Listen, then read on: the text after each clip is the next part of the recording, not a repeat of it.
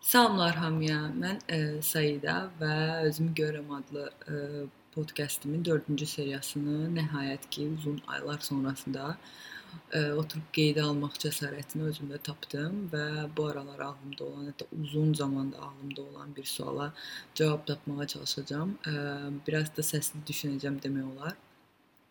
İnsan dediyin varlıq e, nə ilə yaşayır, onu yaşadan nədir və bu şeyləri kəşf edib görənlərlə görməyənlər arasında nə kimi fərqlər vardı? Əslində çox uzun zaman öncə Tolstoyun eyni adda bir kitabını oxumuşdum. İnsan nə ilə yaşayır deyə. Əslində səsli dinləmişdim. Sadəcə daha sonrasında oxumaq da istədim bu kitabı. Hər ikisində də beynimdə fərqli pəncərələr açılmışdı. Orada buna bənzər bir cümlə var idi. Həyatdakı ən önəmli an indi ən önəmli insanlar yanındakilər və ən önəmli iş isə saf niyyətlə etdiyin hər şeydir deyə bu çox çox ilham verici bir cümlə kimi gəlmişdi mənə.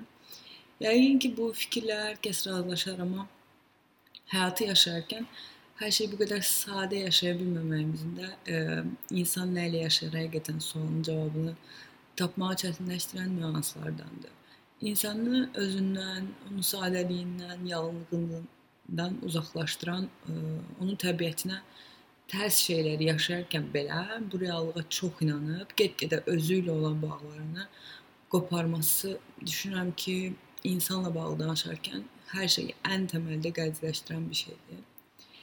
Yəni bir çox illüziyaların olduğu bu simulyasiyamızda həqiqətən özünün olduğu kimi var olub bu varlığı yaşaya bilsəydik, düşünürəm ki, hər şey indi olduğundan qat-qat sadə olardı və yəqin ki, üzərinə düşündüyümüz suallar da başqa olardı, bəlkə də, bilmirəm.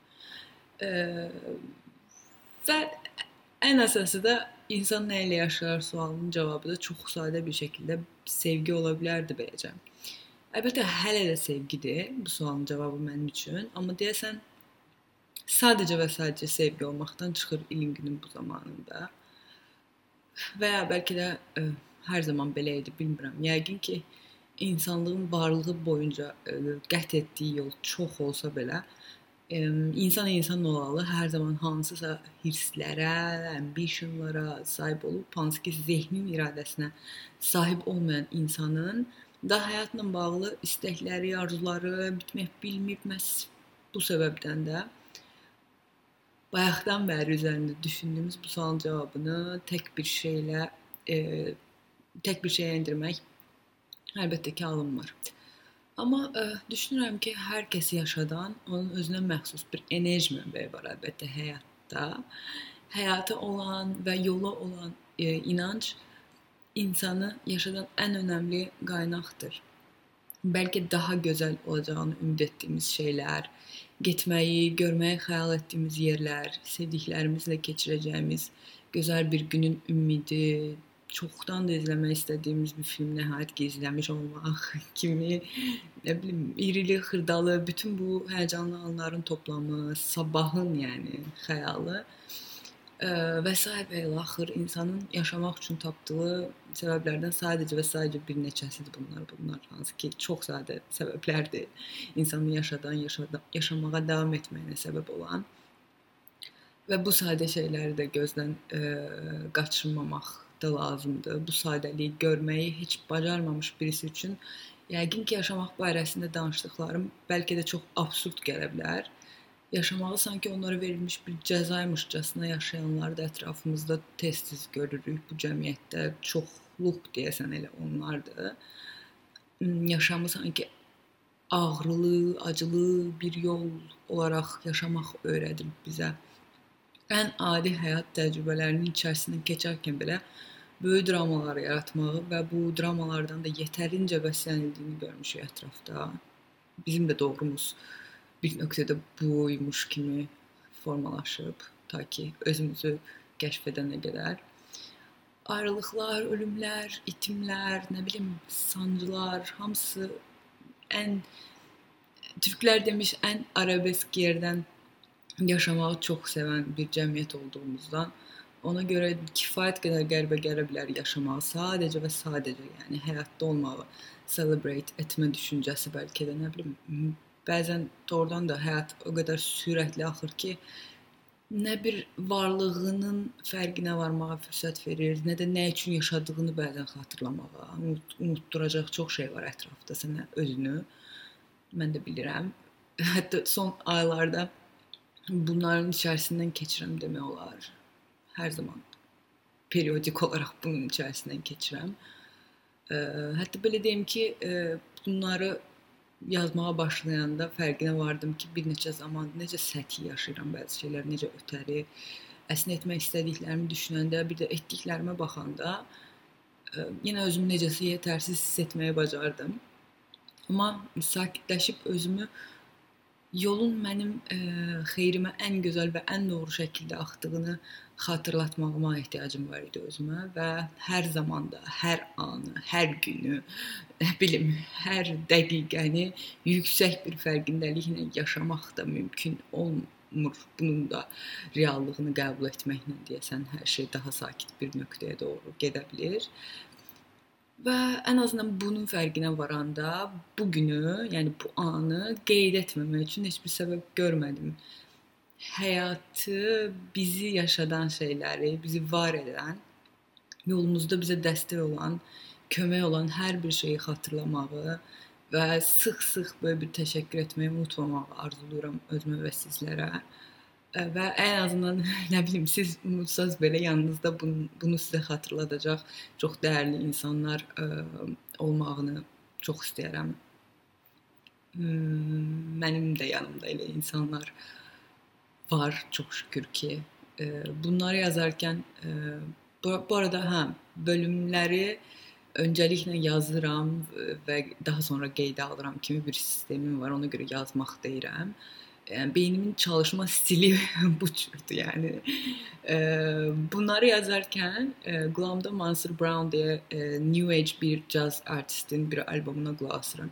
Qulaq asırdım və tam da onu dinlərkən düşünürdüm ki, necə bu qədər sadə bir şəkildə ə, e, məni xoşbəxt eləyə bilər də bir musiqi dinləmək və fikirlərimi sözlərə tökmək fürsəti tapmaq necəsə.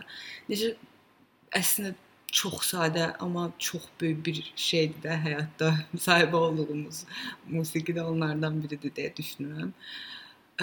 Bu arada hər gün biraz daha yaxşı anlayıram bu podkastın həyatımdakı önəmini, yerini. Hmm, Çünki mənə necəsə ə, yük olan düşüncələri hər hansısa bir şəkildə express etdiyim zaman ə, bu bu şey daha ə, e, anlaşıla bilən bir nöqtəyə keçir beynimdə. Yəni artıq qarmaşıq olmaqdan çıxır və anlaşılan bir nöqtəyə varmış olur. Ə, insanın sevərək və istəyərək etmək çox istədiyi bir şey varsa və ə, iç səsi ona səbəbsizcə onu etməli olduğunu deyirsə, düşünürəm ki, o səsə qulaq verdiyində həyatın axdığı bütün istiqamətlər bir anda ağla almaz dərəcədə dəyişə bilər və bu çox xoşuna gələ bilər insanın. Yəni xülasə əgər elə bir sustura bilmədiyin bir səs varsa sənin də qəlbinin dərinliyindən gələn və yaxud da nə bilim beyninin içindəki o səs, ə, o səs üçün bir şeylər etməyin həyatına nələr gətirərdi, nələr dəyişərdi, bir düşün, xəyal et. Bəlkə də sən səni yaşadan ən böyük enerji mənbəyini tapacaqsan beləcə də. Və məncə bu mənbəyi hardasa başqa yerdə axtarmaq da çox real deyil, yəni məntiqli deyil. Öz sonsuz çeşidli və öz bol ilham verici mənbəyini tapmağını tezliklə e, diləyirəm və səni yaşadan şeyin elə məhz bu dəyərli mənbə olduğunu anlamağını düşünürəm ki, həyatda yeni bir e, qapı açmağına kömək olacaq. Ən azından mən daima bunu özümə təkrarlayaraq, e, xatırladaraq keçirirəm günlərimi. Və əgər onsuz da tapmısansa bu mənbəyi, necə nə cür e, bu mənbəyi daha saf, təmiz bir hala gətirmək olar? Bunu düşünmək də olar məncə bir sonrakı mərhələdə. Düşünürəm ki, hər kəs öz yaşam mənbəyinin ən saf, təmiz bir şəkildə e, qoruyub saxlamağı e, necəsə bacarmalıdır. Bu bir challenge-dır bizə verilən. Ə, əlbəttə öncəliklə tapmaq bu mənbəyi, sonrası qoruyub saxla saxlamaq lazımdır. Ən dəyərli varlığımızı, öz xəzinəmizi, yaşam enerjimizi və bu yaşam enerjisini hansı istiqamətə doğru axıtdığımızdan tamamilə biz məsuliyyət daşıyırıq və o axıtdığımız istiqamətləri seçmək də bizim əlimizdədir. Və ümidvaram ki, yaşam enerjini, sənin ən böyük xəzinəni çox gözəl, doğru yerlərə doğru axıdarsan və o mənbək ilhamlanaraq çoxalar sadəcə və boşuna xərcləmədiyin bir həyat diləyirəm. Nə oldu birdən-birə diləklər oldu, bilmirəm, mən də bilmirəm, amma e, belə içimdə belə duyğular var, yəni bu günlərdə. Deyəsən e, full moon təsiri ilə də biraz çox emosionallaşmışam və günlərdir beynimdəki düşüncələrdən necəsə qurtulmaq istirdim. Yəni və aylar sonra da dedim ki, okey, bu gün o gündür. Sədə davay ə, qeydə al nə demək istəyirsənsə de heç olmasa özün üçün biraz motivasiya olar gələn şeylər düşün. Çünki zaman araya girdikcə sanki o zaman daha da belə uzanır, uzanır, uzanır saqqız kimi bir nöqtədə o şeyi qırmaq sanki lazım idi və mən də hal-hazırda onu qırıram və nəhayət ki beynimdə ə, e, yığılıb qalmış hər şeyi bir yerə axıdıram, yaşam mənbəyimi ə, e, və bütünlüklə saf intentionlarla bunu edirəm. Və bütünlüklə saf intentionlarla eynisini də sənə diləyirəm ə, e, və deyəsən sonlandırıram artıq. Ümidvaram ki ə, bu sual səndə də öz əksini tapdı. Daha doğrusu bəlkə də nə bilim, ən azından bir sual yarandı. Bu ə, podkastlarda etməyə çalışdığım şey əslində biraz da budur. Səndə də bir sual yaratmaq, yəni bəlkə də özünə verməyi ə, hələ ağlına gəlmədiyi bir sual ola bilər, bəlkə də ağlına da gəlmiş ola bilər. Amma necə deyim, bir perspektiv, yəni düşüncə perspektivinə məncə insanın insana ehtiyacı var. Odur ki, insanın insana ehtiyacı var deyirəm, sonlandırıram, amma insanın məncə ən çox özünə ehtiyacı var bu həyatda. Ona görə bəsləyib böyütdüyü, böyütdüyümüz o dəyərli xəzinəmizə sahib çıxaq deyirəm və sevgi ilə qal deyirəm və hələlik deyirəm. Ümidvaram tezliklə, tezliklə, tezliklə görüşə biləcəyik yeni bir podkast seriyasında. Hələlik.